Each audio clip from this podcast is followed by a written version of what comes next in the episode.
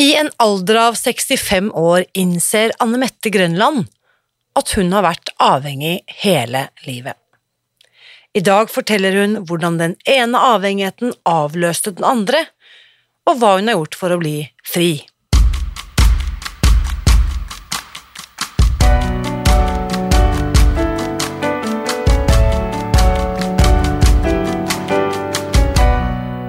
Mitt navn er Irina Lie. Jeg er journalist og forlegger, gründer og sosial entreprenør.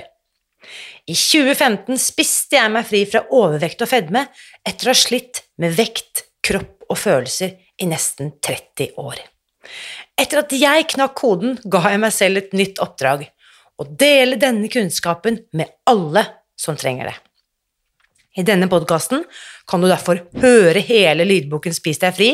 Den finner du ved å bla deg tilbake i arkivet og lytte til første sesong. Hver uke inviterer jeg nå gjester som gir deg påfyll til hodet, hjertet og magen. For min visjon er å endre Helse-Norge, og det får jeg ikke til alene. Du bidrar ved å abonnere på podkasten, skrive en omtale i iTunes og tipse meg om hvem jeg burde invitere hit. Da setter vi i gang med ukens episode. Historier fra virkeligheten om ekte mennesker som har levd ekte liv. Det tror jeg er noe av det viktigste vi kan dele med hverandre. Og derfor er jeg så uendelig glad og stolt og rørt og imponert over de fantastiske menneskene som tør å dele sine historier med meg og deg, både i denne podkasten og i bøkene som jeg gir ut. En av dem skal du få møte i dag, Anne Mette Grønland, hun forteller sin historie i boken Restart, som vi skal lansere på Villa Malla rett utenfor Oslo nå om et par uker. Det er søndag 12. juni. Det er fortsatt eh, noen ledige plasser, så hvis du vil være med på denne fantastiske boklanseringen, hvor du også treffer Anne Mette og mange av de andre som har bidratt til eh, boken, så kan du gå til nettsidene våre på spisdegfri.no fest og melde deg på. Før vi kommer så langt, her er ukens gjest. Kjære Anne Mette, velkommen tilbake til podkasten. Tusen hjertelig takk, Irina. Hyggelig å være her. Vet du hva, det er jo, Og det er så hyggelig å se deg. Nå er jo vi akkurat nå for denne samtalen på Zoom, men vi har jo også tilbrakt tid sammen og vært i samme rom og gjort mye sprøtt sammen. Eh, senest eh, siste gang vi så hverandre, det var vel nesten nakne i en eh, islagt fjord på Finnskagtoppen, der vi hoppet i, hoppet i havet. Herregud, hva for, for meg forferdelig opplevelse! Altfor kaldt for en gammel dame, Irina. Var, men jeg har gjort det. Jeg har tikka den av, så jeg er ganske stolt av det. da. Eh, dette vet jo ikke du, Anne Mette, men dette vet jo jeg, for dette er ikke siste gang du skal isbade. vel, vel, vi får se på den, vi får se på den. Fordi du, jeg vet ikke, ikke sant, du sto der når jeg badet, og jeg har jo også vært der hvor du er. Um, så du, jeg hadde nesten ikke lyst til å komme opp. Jeg lå der som om det var et badekar. Ja, ikke sant. Jeg, jeg, men jeg tenkte det, det, her er ikke mulig. Folk kan jo ikke bare nyte dette her. Det var jo flere som lå der og, og koste seg. Og jeg, det bare for meg så er det helt uh, Det var helt ufattelig, for det var bare vondt når jeg var der. Yes. um, Vet du hva, du forsvant så fort du etter det isbadet, så jeg fikk ikke snakke Jeg, jeg har ikke snakket Jeg holdt jo på å fryse, jeg. Og grunnen til at nå lurer jeg kanskje på Hæ, handler dette om isbading? Jeg trodde det skulle handle om Spis deg fri og restart.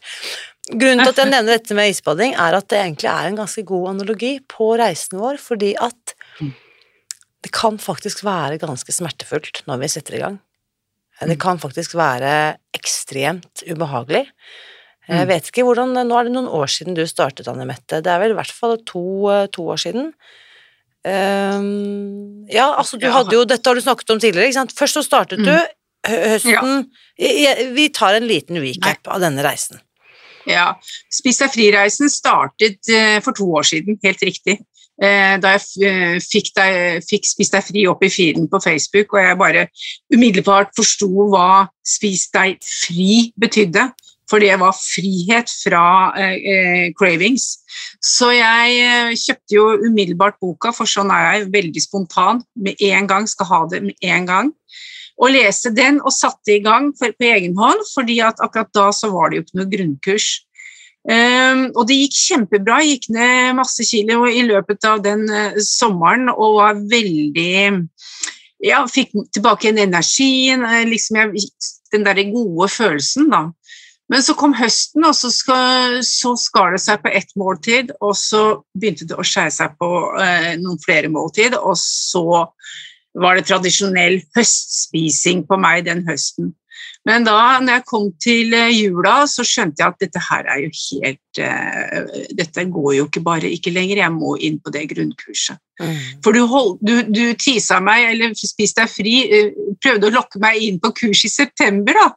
Men altså, da var jeg så nede i den gryta igjen at, uh, at jeg trengte den høsten for å liksom få det skikkelig vondt, kjenne på smerten igjen og så starte grunnkurs i januar. Mm. Så starter januar 2021? Ja, 29. desember 2020 var min første dag uten sukker og mer, ja. og siden har det ikke jeg toucha det. Ikke sant? Mm. Så når denne episoden blir sendt, så er det typ halvannen, eh, halvannet år siden. Ja. Eh, og eh, kunne du ikke bare også si litt, Anne Mette, om de fantastiske resultatene du har fått på denne reisen? Ja, ja jeg, jeg, var jo og, godt ja, 91 kilo, 90, 91 kilo, og jeg ligger nå på, på vedlikehold og har en eh, vektintervall på mellom 63 og 66 kilo. Ja, Så du har gått så, ned så det, eh, Hjelp meg med hoderegningen her. Uh, ja, jeg 20 27. 27, 28 kilo. Ja, og da må vi bare legge til at du er jo ikke lenger 23 eh, år gammel. Nei, jeg 6, blir 66 nå. Ganske snart. Ja, Så mm. du er 66, mm. gått ned 27-28 mm. kilo siste halvannet mm. året. Og for vi får jo så mange spørsmål. Dette kan vel ikke gjelde oss som er et eh, overgangsalder, eller dette kan vel ikke gjelde meg som er, har hatt født tre barn, eller dette kan vel ikke gjelde meg som har lav forbrenning eller kraftig benbygning, eller Dette gjelder alle. Dette gjelder alle, og mm. uansett hvilken alder. Vi har jo flere i Spis deg fri som er langt eldre enn meg, mm. og som, som, har fantastisk utbytte i forhold til helse. Og det samme har jo jeg. Jeg har jo fått en rygg som fungerer, jeg har eh, en artrose som er blitt borte i, i hendene, eh, jeg har en energi, jeg kan bøye meg og, og, og knytte skoene mine, og nå og som du sikkert vet, Rina, så har jeg fått valp, og den løper jeg sammen med. Ja. Så så energien og, eh, og, livsgleden er så til stede, og det er jo veldig mye takket være Spis deg fri, da. Det må jeg si. Bare, bare nysgjerrig, eh, hadde du forut for Spis deg fri da, for to år siden, hadde du kjøpt valp da?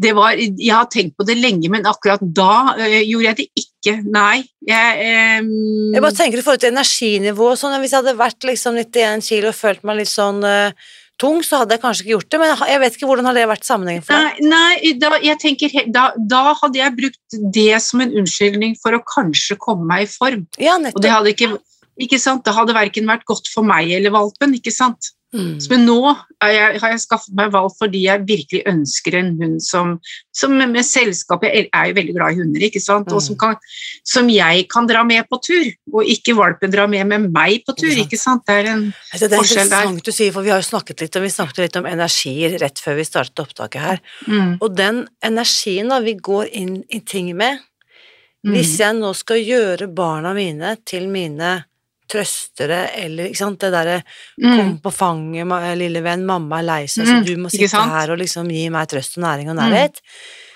den energien senses. Eh, og, jeg, og, mm. og, denne samtalen har jeg hatt med mange, at vi må passe oss for at ikke vi gjør vår, kjæresten vår eller partneren vår eller barna våre eller på en måte hunden vår til en sutteklut eller uh, fortrolig eller klagestolpe, og kaller meg klagemur, ikke sant? Mm. Mm. Det er superviktig. Ja. Mm. ja.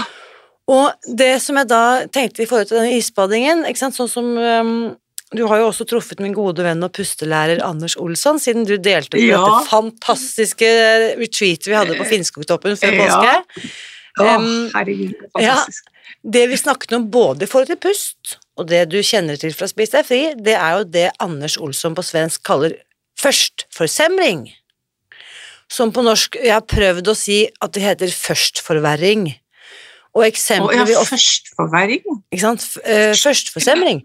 Så det vi på en måte tenker oss som et eksempel er jeg må komme i form, la meg gå på treningssenteret, for da, da kan jeg jo bygge muskler og, og bli fit, Mm. liksom. Løpe på tredemølla, eh, ikke tredje, men tre, eh, løper på treningsmølla, og så kjenner jeg dagen etter at jeg har vondt i hele kroppen. Og så tenker jeg, trening kan jo ikke være bra for meg, for nå er jeg jo dårligere enn det jeg var i forgårs. Mm. Og dette er jo den førstforverringen vi snakker om. Mm. Hvis Spis Mm. deg fri så kan jo det se ut som at jeg kutter ut sukker og mel og ligger som et slakt og føler meg Mm. skjelven, svett, uvel, kvalm, mister balansen, Hodepine. hodepine Ja. eh, La oss si litt aggressiv, lett irritabel, En smule. En smule. en smule. Så hvordan så førstforverringen ut for din del da du startet med Spis deg husker du det? Ja, jeg, jeg fikk um, veldig lav energi. Eh, Enda lavere enn den jeg hadde i utgangspunktet, for å si det sånn. Jeg ble veldig eh, trøtt. Men kanskje det som var den største utfordringen, var hodepinen. Altså detoxen eh, fra sukker og mel. Jeg, jeg hadde vanvittig hodepine de første 14 dagene. Jeg hjalp til litt med Paracet, men stort sett så prøvde jeg å holde det ut. For det, det er noe med det å få ut gifta av kroppen. Eh, Det var vel kanskje den sterkeste eh, symptomet jeg hadde. Ellers var jeg også litt kvalm, og så var jeg nedstemt, irritabel, eh, og selvfølgelig også lei meg, egentlig. På, litt grann i begynnelsen der. For du, du går jo gjennom litt, litt sorg også, mye av dette her med at aldri mer og Men samtidig, når det, når det er sagt, så var det stort sett også en glede over endelig å ha funnet noe som jeg Mm. hadde så inni magefølelsen på at var riktig. Yes. Og det var det. Mm. Og så eh, Da håper jeg du er med på eh, sammenligningen med isbadingen. Det du opplever nå med isbadingen, Anne Mette, er en førstforverring. Jeg skjønner den utfordringen. Det er derfor jeg sier det er ikke sikkert det er siste gang. ok, jeg skal være med på den, da. Ålreit. Ok, sånn, sånn eh, jeg, jeg av og til blir beskyldt for å manipulere folk rundt meg. Jeg skjønner ikke hva de snakker om. Dette var jo et veldig godt eksempel, da. Men på en god måte. På en god måte. Ja, og, og om så måtte være sant, så tenker jeg at jeg gjør dette med all kjærlighet i verden, og det vet Ja. jeg at du vet. Det vet jeg. Fordi, Anne Mette, kjære Anne Mette, og jeg er så eh, takknemlig. Jeg, det, det føles ut som om jeg kan huske første gang jeg så deg liksom i Facebook-kommentarfeltet, for jeg tenkte at denne damen, hun har med seg noe annet. Dette vesenet har en um, livskunnskap, jeg bare så det på ordene du brukte, ikke sant? Eh, jeg vedder på nå, selv om, ikke folk kan se deg, så hører de det på stemmen din, du har med deg noe annet, og det har du jo også, for dette med å oppleve tilbakefall til eh, sånn som du gjorde den høsten 20 eh, Mm. tj- eh, Hva blir det? 2020. Tilbakefall til maten Mm. igjen, og um, dette er ikke første gang heller du forsøkte å kutte ut og gjøre endringer med mat uh, og sukker. Mm. Fortell litt om Mm. den reisen din i forhold til sukkeret først, Anne Mette. Ja, i forhold til sukkeret, altså det, det, alt henger jo sammen med alt, og alt er en prosess. Mm. Eh, I hvert fall sånn opplever jeg det i mitt liv, og jeg har, jo blitt, blitt, eh, har jo levd noen år. Eh, og jeg ser det som en sånn rød tråd gjennom hele livet, at det har på en måte vært en kamp mot eh, avhengigheten min. Altså jeg er en avhengighetsperson. Eh, og min avhengighet startet nok med sukkeret. Jeg er ganske sikker på, og jeg tror at, eh, at jeg er i utgangspunktet en som har en overfølsomhet overfor sukker og, og, og eh, ja, droger i det hele tatt, da, for å si det sånn. Eh, I hjernen, altså en eller annen form for sensitivitet som gjør utslag. Og jeg tenker at jeg hadde vel egentlig ikke så stor sjanse, fordi jeg er jo født på midten av 50-tallet, eh, og i forrige århundre. og, og, og, da var det en, en lege ved Dr. Spook som, som, som regjerte eh, norske kvinner, og, sikkert flere vestlige, med mye gode råd til, til de som fikk barn, bl.a. at de ikke skulle gi mors, eller ikke amme, men heller gi morsmelkerstatninger. Og også dette at de, hvis når barnet gråt, så skulle de bare gi sukkervann, så ville de, holde, så, så ville de roe seg. Da, jeg tenker at Hvis du da i utgangspunktet også har det genet, at du er litt sensitiv, så er det ikke mye sjanse du har. Og jeg har vært, en sukkeravhengig hele mitt liv. Så langt jeg kan huske, så har jeg vært opptatt av å få i meg kaker, godterier yes. Alt mulig. ikke sant? Jeg har til og med, altså jeg og en venninne, og da var vi ikke mellom fem-seks år gamle, vi var oppe i skapet og henta fram havregryn og putta sukker oppi der og rørte sammen og spiste det tørt. Yes. Og, da er du, ja, og da er du bare fem-seks år. Og hva er det? Jo, det er jo ikke noe annet enn en, en avhengighet. Altså, det hadde, eh, nå, nå må jeg bare hoppe inn. Det hadde jeg glemt. Ja. Akkurat det gjorde jeg òg, men jeg puttet opp en liten melkeskvett òg, sånn at det ble en sånn slags røre. Ja, vi var på snikeren, vi da også. Ja. Nei, men det var omtrent like mengder havregryn og sukker, for å si det sånn. Ja. Ja. Mm. Og, ja. Og, og, og, jeg kjente så Nabolaget Jeg visste jo veldig godt hvem som hadde kaker etter middag. Hjemme hos oss var det ikke det. Vi hadde bare dessert på søndag, og vi fikk litt godteri på lørdag. Det var veldig strikt sånn hjemme hos oss. Men, eh, men jeg visste jo hvem av naboene som, eh, som eh, hadde kaker etter middag, og jeg banka på døra. Altså, allerede der så, så, var jeg en eh, planlegger, en strateg i forhold til eh, dette. Mm. Strateg, ja. Det var, det, det var liksom tanken jeg fikk. Eh, strateg mm. i en alder av ikke sant? fem, seks, syv, åtte år. Mm. Så dette var jo, ikke sant, og det der eh, fulgte meg jo opp gjennom årene, og jeg forsto jo ikke at det var en avhengighet. Jeg, eh, etter hvert som jeg forsto, altså etter hvert som slankekurene begynte, alt dette her, og jeg forsto at jeg var en veldig, eh, mye skam, ikke sant, en veldig dårlig eh, person som ikke klarte å holde kontroll. Hvorfor klarte alle andre og ikke jeg? Ikke sant? Jeg måtte jo være veldig viljesvak eh, antageligvis, eh, antageligvis, litt dum, som ikke forsto å, å, å, å, spise for det beste for meg sjøl. Mm. Jeg forsto jo ikke at det, det, var en avhengighet, før jeg på en måte mm, Jeg var også innom, ikke sant, altså, som jeg Altså, alkoholen har jo også vært en avhengighet hos meg, ikke sant. Og det var den som på en måte gjorde at når jeg satte vekk flaska for godt, og så eh, eh begynte vi å spise isbokser i stedet. Det var da jeg så koblinga. Ikke sant? Og dette var tidlig 2000. da begynte jeg å se. Vi må bare, mm. eh, siden du har eh, delt åpent om eh, også ditt eh, alkoholmisbruk i boken Restart, mm. så må vi bare ta en liten stopp der.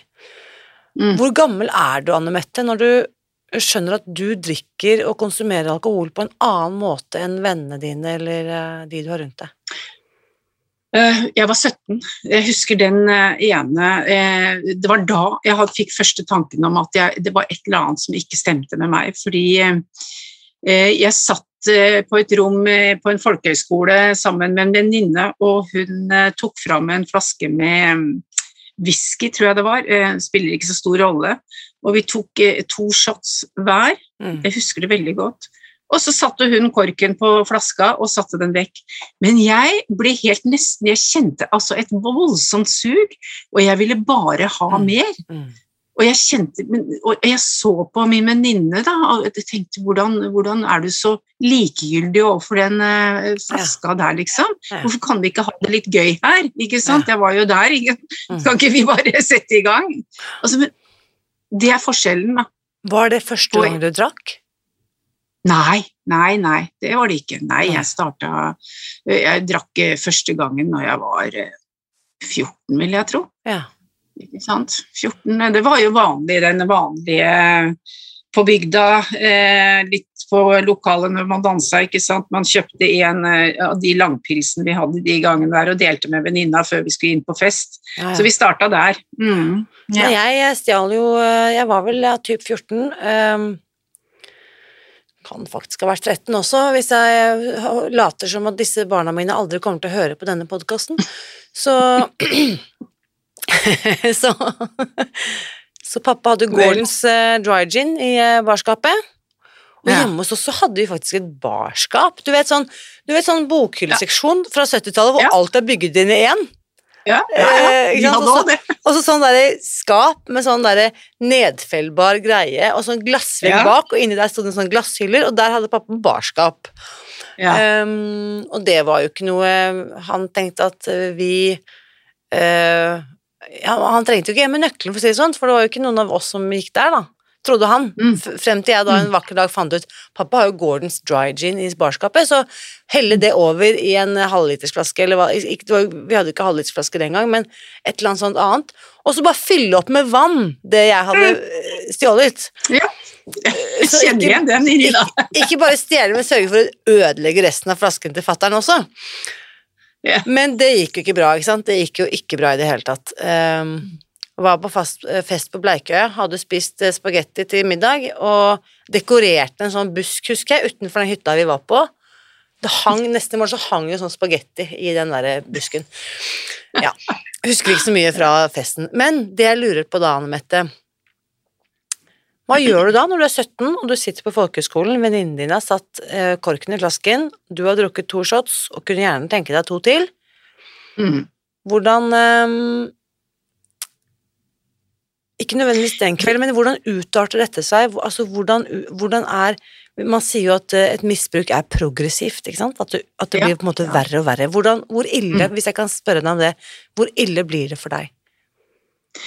Eh, På slutten så, så er det så ille det kan bli, ikke sant, når man misbruker alkohol. Eh, Men det var en gradvis, altså det tok egentlig 25 år før, før dette fikk sin ende. Og, og jeg kan ikke sitte her i dag og si at, eh, at akkurat den dagen så gikk det fra kontrollert til ukontrollert. Nei. Det var en Nei, det går ikke. Jeg klarer ikke fordi det var en eh, del av eh, det livet jeg levde. De menneskene jeg hadde rundt meg. ikke sant? Det var veldig mye det var mye alkohol, og det var, altså jeg tenker, det var også mye tiden. ikke sant? Det var 70-80-tallet, det var eh, 80-tallet med fest, fest, fest. Eh, og ja, litt sånn. Så, så jeg kan egentlig ikke Men jeg har hele egentlig ikke helt bestemme datoen, men jeg kan begynne å se at det begynner å utvikle seg til et problem i forhold til eh, både meg sjøl og omgivelser når jeg, eh, er rundt 2-33, Ja. 3-34 kanskje. Så da Mm. snakker vi 17 til 2 til 33, da snakker vi altså Ja. 15 år med helt eh, kanskje økende forbruk, men fortsatt at det er liksom håndterbart. Ja. Og du har jo en karriere, ikke sant, og du har familie og alt sånt, men Mm. da bikker det på et eller annet tidlig i 30-årene, og hvordan Mm. merker du da det? Hvorfor vet du at nå, dette her er ikke helt bra, Anne Mette? Eh, Det er fordi at eh, for det første så, så begynner jeg å drikke eh, mer. Altså det er ikke bare helger. Det blir, utvikler seg til søndager, det utvikler seg til onsdager, torsdager og fredager og lørdager og søndager, ikke sant. Og kanskje så Men det er klart at du har jo hvite eh, dager innimellom, kanskje mandag og tirsdag, og så er det sånn så stille Altså sånn oppvarming mot helga, da. Men dette går jo også opp og ned litt i perioder. Det er ikke sånn konstant hele tiden, men det utvikler seg jo i, verre i, til, i ferier etc. Og, og så helt klassisk, egentlig, når det gjelder alkoholisme. Inntil, inntil det blir så alvorlig at, at jeg vet at nå er det like før eh, arbeidsgiver kommer til å snakke til meg, ikke sant. Ja. Eh, og jeg skjønner, og jeg vil ikke. Altså jeg er, jeg er så lei av det, og jeg har, prøver å stoppe og prøver å stoppe. Og jeg tror mitt første, det første jeg gjorde egentlig i forhold til det, var å, et A-møte så, så langt tilbake som på tidlig 90-tallet. Men det ble for voldsomt for meg. ikke sant? Jeg var ikke, jeg var ikke klar. Jeg tror man på, en måte, på mange måter må ned i en eller annen slags bunn for å forstå at dette er ikke eh, levedyktig. Mm. Så, så da jeg først, eh, først begynte å få den, eh, snudd den tankegangen, så, så endret det seg, og, og ja, Ja. Så i 1999 så var det stopp for alltid. Og Siden gammel- har jeg ikke sett meg tilbake. Fantastisk. Hvor gammel er du i 1999? I 1999 så er jeg vel 43. Mm. Fantastisk. Jeg må bare si, det er veldig sånn symbolsk også, og dette har jo Her er det en forfatter som heter Daniel H. Pink. Eh, Boken heter When, The Science of Timing. Og det er ikke tilfeldig heller at det er 1999, tenker jeg da. Vi skal legge det gamle årtusenet bak oss. Du skal inn i en Ja. ny tid. Mm. Og det kan vi vel trygt Mm. si. Eh, at du med fulle gjør kvitter deg, sier takk og Mm. farvel til det gamle, og så går du inn. Og da er vi over i år 2000, ikke sant, og det Mm. nye millenniet, men det er ikke sånn som du sier, da. Avhengigheten din har du ikke vinket farvel med, du har satt korken i flasken. Av, Mm. Den avhengige Anne Mette er fortsatt med på lasset. Den avhengig av Mette, Anne Mette er så visst med på lasset, ja. Fordi at jeg trodde det liksom på en måte Jeg kobla jo ikke dette her med avhengighet i forhold til altså at man kan bli avhengig av hva som helst på mange måter. Så jeg, eh, jeg skjønte ikke det at Jeg trodde at nå hadde jeg blitt kvitt avhengigheten min. Nå hadde jeg satt vekk flaska, ikke sant. Nå hadde jeg vært flink pike. Nå, nå er alt i orden. Nå kan livet starte på nytt igjen, på en måte. Men det tok jo ikke lang tid da, før, før isboksen begynte å komme inn i livet mitt, for jeg, det, var, det er min store downfall, det er liksom isboksen, som jo er kos og trøst og hele pakka. Eh, men så begynte jeg jo å kjenne igjen, ikke sant? jeg så jo hva som eh, Hva er det jeg holder på med? ikke Ja, men var det da sånn, Først så var det litt, eh, litt kos på lørdager, og så ble det også Ja, søndag, og så mandag ja. begynte du å holde deg til at det skulle bli onsdag, så du kunne spise is igjen? Nei, sånn, sånn fungerer ikke helt eh, Det er en litt sånn forskjell på akkurat det, men du, du, tenker litt sånn mindre på konsekvensene, da, ikke sant. Alkoholen har store konsekvenser i forhold til hvordan du eh, ting utarter seg rundt deg når du, eh, du konsumerer det, mens, mens sukkeret er jo et helt annet en annen drug, for å si det sånn. Den gjør jo deg den, den går ikke utover alle andre i den forstand. Den gjør jo også det i en videre forstand, men der og da så er det jo du sjøl som får kiloene på kroppen og depresjonene og, og skammen og hele den pakka der. Mm. Men det som er det samme, er at du har ikke kontroll. Altså dette her med at du sier nei, jeg skal ikke, men likevel så gjør hendene dine det, uten Yes. at hjernen Yes. er med. Ikke sant? Og jeg Hjernen- vil jo så gjerne, og jeg vet og jeg har Ja, skjønt og jeg, Jeg kan det, ikke. Og likevel så tar hånden Ja. min etter det. Ja, Um, og, og gjør det likevel. Og det er Mm. den, den der, som Yes. jeg da forsto øyeblikkelig her. Eller altså, da forsto jeg at dette er jo akkurat det samme. ja. Jeg er sukkeravhengig. Og når du da skjønner det, så Mm. skjønner du også at du må inn med samme, med medis inn med samme medisin som du på en Mm. måte gjorde i forhold til alkoholen, og si Mm. Eh, Du har hørt meg si dette mange ganger, ikke sant? 100 er lett, og 99 er vanskelig. Du må Mm. rett og slett si takk for det. Totalavhold, da. Mm. Totalavhold, det er det eneste som fungerer. Ja. Mm. Og du forsøkte jo også på totalavhold mot sukker, da, i uh, lenge Ja. før Spis deg fri. Ja, lenge. Ja, jeg starta jo i 2000, 2001. Så ble jeg, begynte jeg å søke etter sugar addiction. For når, eh, først, eh, altså, da hadde jo nettopp Google kommet, ikke sant? Så, så vi begynte å kunne få informasjon uten å måtte gå til biblioteket, for å si det sånn. Ehm, og da fant jeg jo, og i Amerika hadde de jo eh, lenge holdt på med dette. Ja. Og det var altså en så stor befrielse å se at det var andre eh, som var som meg, og at det faktisk var, eh, det var en avhengighet, og at det også fantes en måte å bli kurert, ikke kurert, men altså avstå fra det også, at det fantes metoder, og at jeg ikke var alene. Mm. Det er jo også en eh, ting, da. For det eh, fordi jeg ofte, når jeg drev med altså I de verste stundene så har du alltid liksom følt at du var den eneste som ja, som spiste og drakk og alt dette her, Mm. men det, den ensomheten du får da som aktiv avhengig, vil jeg si, Mm. det er en, en form for ensomhet som ikke er så veldig god. Fordi eh, du, du, du klarer ikke helt å være ærlig overfor de rundt deg for hva som egentlig foregår. Mm. Det, det tar du bare med deg selv, og, og, og det blir mye skjuling, Mm. og, og å gjemme unna irritasjon over at folk kommer når du skal eh, drive på med dopen din. Mhm. Så ja. Jeg får, liksom, dette er sånn, jeg får sånn frysning, for jeg husker også sånn eh, Apropos Jeg antar hadde jeg vært eh, sp- sprøytenarkoman, så hadde jeg prøvd å skjule brukerutstyret mitt, eh, og det gjorde jeg jo som sukker- og melavhengig. Jeg kom hjem fra skolen, jeg var mm, 10-12 år, ikke sant, alene hjemme, eh, før eh, noen andre kom hjem, så da smørte jeg sammen, rørte sammen en gryte, ikke en gryte, men en skål da, en bolle med sukkermel og smør. mm, Eh, og så tenkte jeg at hvis den bakebollen eller den der eh, skålen står i, i, i oppvaskmaskinen, så vil, eh, så vil jo noen kunne ferske det. Så da var det Mm. måtte jeg vaske det for hånd og tørke med kjøkkenhåndkle og putte tilbake Ja, i ja. skapet. ja. Skjule alle spor. Skjule alle spor. Um, Mm. Og det er jo eh, Ja, det er altså Bare se på min egen atferd. Looks like a drug addict. eh, behaves like a drug addict. Er trolig en drug addict. Mm. Ikke sant? Helt klart. Helt klart. Med en gang du begynner å gjemme og lyve rundt ting, da er det en utfordring. Da Ja. er det en avhengighet. Ja. La, Ikke sant? la oss si det så enkelt. det, ja.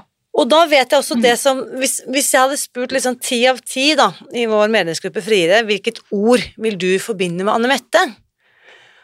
Du vet jo hva du ville sagt. De ville ja, sagt fellesskap. fellesskap, fellesskap, fellesskap. Ja. Det er, eh, det er alfa og omega. Du klarer ikke når du, altså når du, du har en avhengighet, så må du ha eh, hjelp. Eh, du klarer ikke alene. Det, det er for tungt å bære alene. Du må ha styrken Mm, fra fellesskapet sammen med deg. Ikke sant? mm, Eh, Det er eh, helt nødvendig å kunne snakke med mennesker som, som har de samme tankene som deg, og som, som reagerer på samme måten. Du føler deg ikke alene, du er i flokken din. Når vi snakker sammen inne i Friere, så, så vet Det er ikke så mye som behøver å bli sagt, fordi vi trenger ikke forklare så mye, for vi vet hva det gjelder. yes. Dette er ting som når du utenfor fellesskapet ikke prøver å snakke til mennesker som ikke er avhengige, de vil bare se på deg med et litt tomt blikk. yes. Fordi at de vil ikke forstå hva, eh, hva du snakker om, ikke sant? mm, Det kan da ikke være et problem.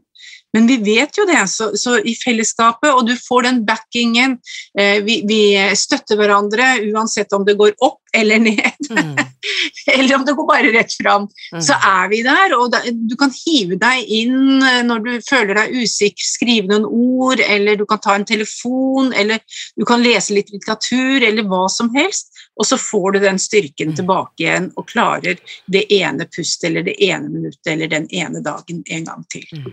Mm. Og, og dette, dette vet vi også eh, fra, fra mange ulike kilder som snakker om at Jeg lurer på om det er Gabor Maté jeg liker å kreditere opphavsmannen. Jeg tror det er denne fantastiske psykologen fra Canada som heter Gabor Maté, som mange sikkert kjenner til. Jeg tror det var han som sa at addiction is a disease of isolation.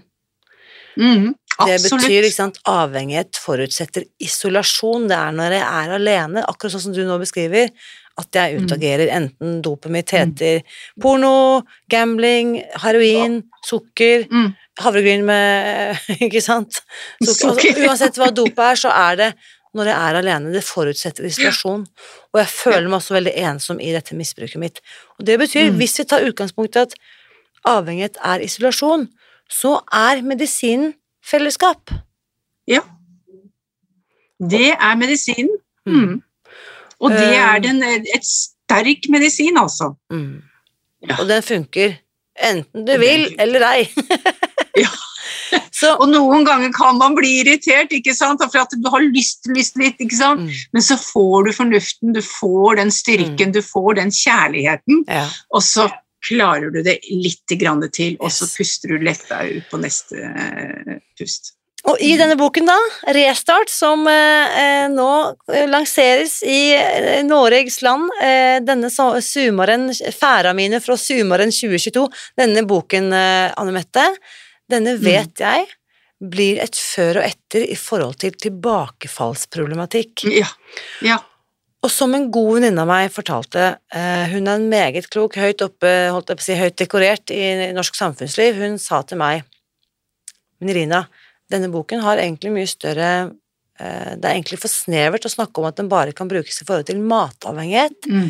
Det burde Mm, egentlig på en mm. måte lanseres som et standardverk i forhold til all tilbakefallsproblematikk. Mm. Eh, Og i all beskjedenhet så er jeg helt enig. Dette er en, en fantastisk bok. Det er jo skrevet av Susan Pearce Thompson, som har utviklet Bright Line Eating-metoden, og i samarbeid da med eh, Everett Considine, som er altså såkalt IFS-terapeut. Mm. Um, har du rukket å lese den, eh, Anne Mette? Jeg har rukket å lese store deler av den, og jeg har Mm. jobbet litt eh, i forhold til dette med part, og, eller deler, jeg vet ikke hvilket Mm. begrep dere bruker, og, og se, har sett litt på hvordan jeg snakker med sabotøren eller den Mm. partneren min og litt sånn, og, og fått mange utrolig sånne aha-opplevelser, og det, det er, jeg synes jo eh, Susan Pearce Thompson her har gjort eh, noe helt unikt, altså det er hun, helt unikt. Hun har klart å sette faktisk ord og, og, og gitt oss redskaper for hvordan å håndtere eh, disse tilbakefallene, og også gjort oss oppmerksom på, det syns jeg er veldig deilig, det er at eh, du, det er helt normalt. Vi behøver ikke være perfekte. Det er ikke noe som heter eh, perfeksjonisme innenfor eh, for, eh, avhengigheten. Det fins ikke der. ikke Mm. sant? Og det setter hun også ord på, syns jeg. Og, og gjør det tilgjengelig for oss på et, et språk som vi kan forstå, ikke Yes. sant? Det Ja. som er interessant, til du nevner perfeksjonisten Nå, med å ha jobbet med dette, nå var jo jeg så heldig å bli kjent med Everett Considine i, i 2018, og har truffet ham flere ganger. Han er en uh, utrolig fin fyr. Em, Og da lærte jo jeg at perfeksjonisten er faktisk også en av mine sabotører. Mm, Ikke sant? mm, Det å ha den delen av meg, denne delpersonligheten som på en måte så strever etter det perfekte, mm, er det som hindrer meg til å Mm. faktisk få det jeg trenger. mm. Så det er så mange lag her i det å bli kjent med Mm. selv innover, Mm. eh, som er eh, Ikke sant? Mm. Og den pleaseren, for eksempel.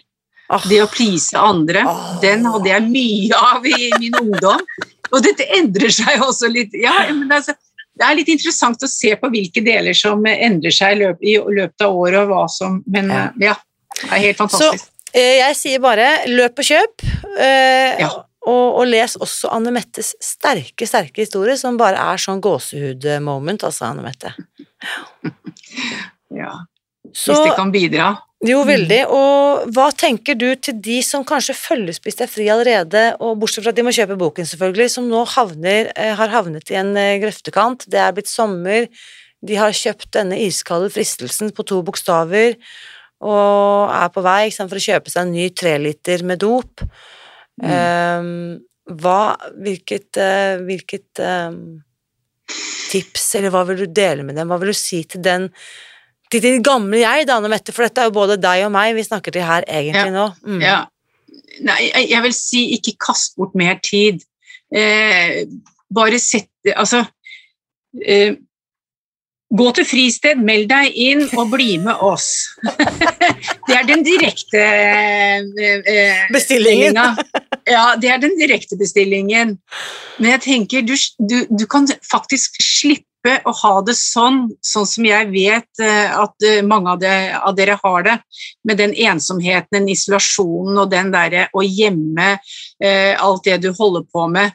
Det kan du slippe hvis du faktisk gjør det, går og melder deg inn i fristed. Mm. Du vil få hjelp, og det, du får et annet liv. Og, det, og jeg tenker også, hva har du å tape ved å forsøke? Ikke sant? Hvis det ikke passer for deg, så er det jo ja, og jeg er helt enig. Altså, ja, jeg vet veldig mange lykkes på egen hånd. Um, mm, Og det ære være den for det, og jeg, jeg mener at det er helt fantastisk. Og så mitt poeng med denne kursgruppen Fristed, som eh, Anne Mette nå så inderlig fremsnakker, og det er vel fortjent, for det er en fantastisk gruppe, det du ikke klarer på egen hånd, det er å skape ditt eget fellesskap. mm, Det, og nå merker jeg for helt sånn gåsehud for at den gjengen som er inne i kursgruppen Fristed Ingen har jo kjent hverandre fra tidligere. Skulle tro at dette har vært eh, på en måte et, eh, et håndballag som har vokst opp sammen og lært å heie på hverandre, for at Mm. her er det bare Det er det som er kulturen vår. Vi er så ufattelig flinke, og ikke flinke, for det er litt sånn negativt ladet ord, men vi henter frem det beste da, i oss selv og heier på hverandre. Vi er tolerante, forståelsesfulle, empatiske. Ja. Eh, og innimellom tough love, liksom, hva kan du gjøre? Stille de spørsmålene, vi speiler hverandre, slik at Mm. jeg får mulighet til å vokse når jeg lytter til Anne Mette, og vice versa. Mm. Mm. Det er akkurat det. Ja. Mm. Så, men dette er fin, fin beskjed nå sommeren 2022, og så når vi nærmer oss vinteren 2023, hvor det nå ligger an til Jeg kan jo bare så et lite frø, siden du også, Anne Mette, har vært med på å pushe det. Det ser nok ut til at det kan bli en ny samling på Finnskogtoppen neste år. Ja, ja, ja, det må det bli. Så da kan vi si, da, for at det skal bli, så må du si deg i hvert fall villig til å være åpen for at det kanskje kan bli et isbad nummer to. Kan vi ikke Kan vi ikke reise på sommeren, da?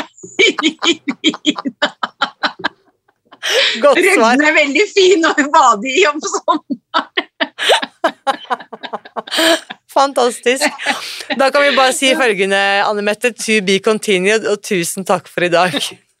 I like måte. Tusen takk skal du ha, Irina. Nå lurer jeg på, hva tenker du etter å ha hørt min samtale med Anne Mette i dag? Bli med i den åpne Facebook-gruppen Spis deg fri, og del din takeaway.